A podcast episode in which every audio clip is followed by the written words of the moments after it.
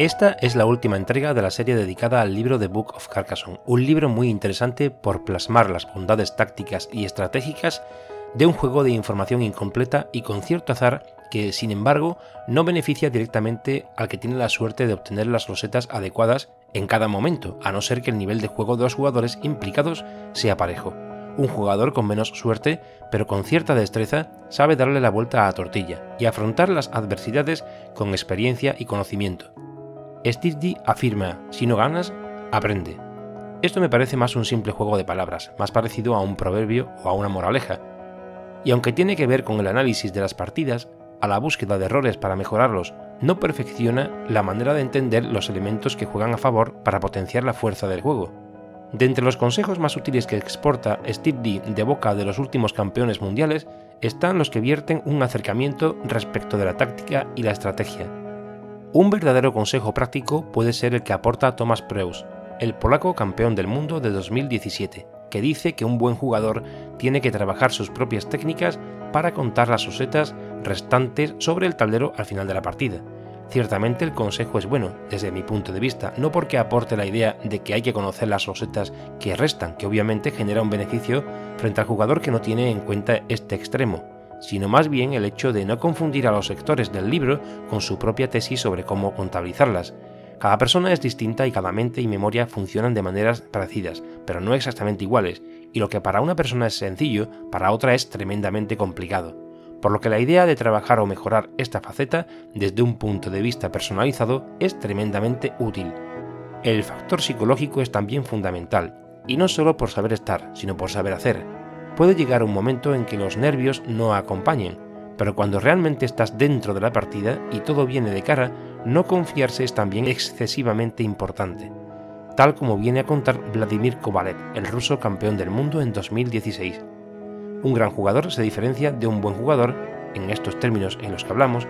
en que no reconoce la derrota mientras existe una probabilidad, aunque sea mínima, de victoria de la misma forma en que no celebra el triunfo hasta que se haya jugado la última loseta. Como se suele decir, esto no es cómo empieza, sino cómo termina. Hay muchos consejos en este libro que pueden resultar interesantes al lector, pero uno de ellos es el del gran jugador japonés Takafumi Mochizuki, Pindertron a la BGA, que viene a referirse como una gran diferencia entre jugadores a la cualidad de saber valorar cada MIPEL en función de su uso y del momento en que es empleado en el tablero no es fácil entender esto. No es lo mismo convertir un Mipel en caballero en una zona donde se obliga al adversario a completarle la ciudad para completarse a sí mismo un monasterio,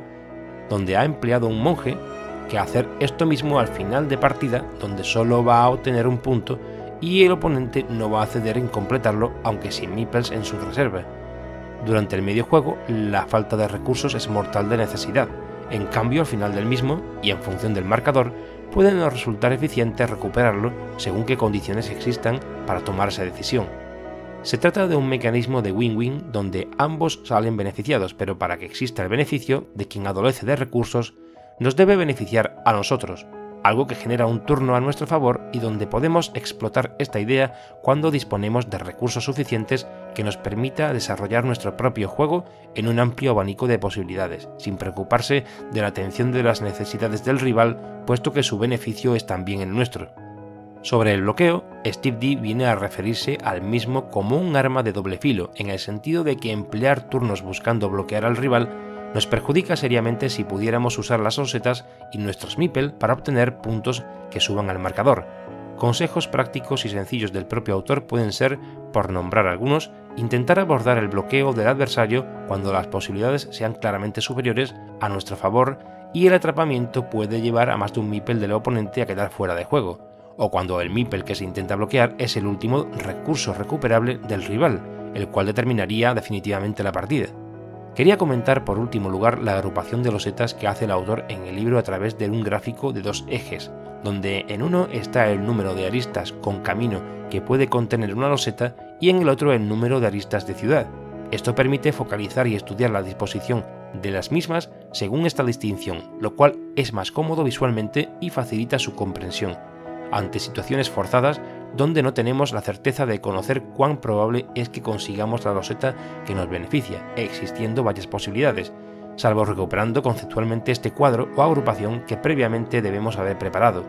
muy útil y atractivo para su análisis de manera que podamos aprender algo más y personalizar posteriormente un esquema del mismo que no tiene que ser exactamente igual y que podamos rescatar mejor en nuestra mente. Sin más, la entrevista final con Dan la relego a su lectura y por tanto a compra de este libro,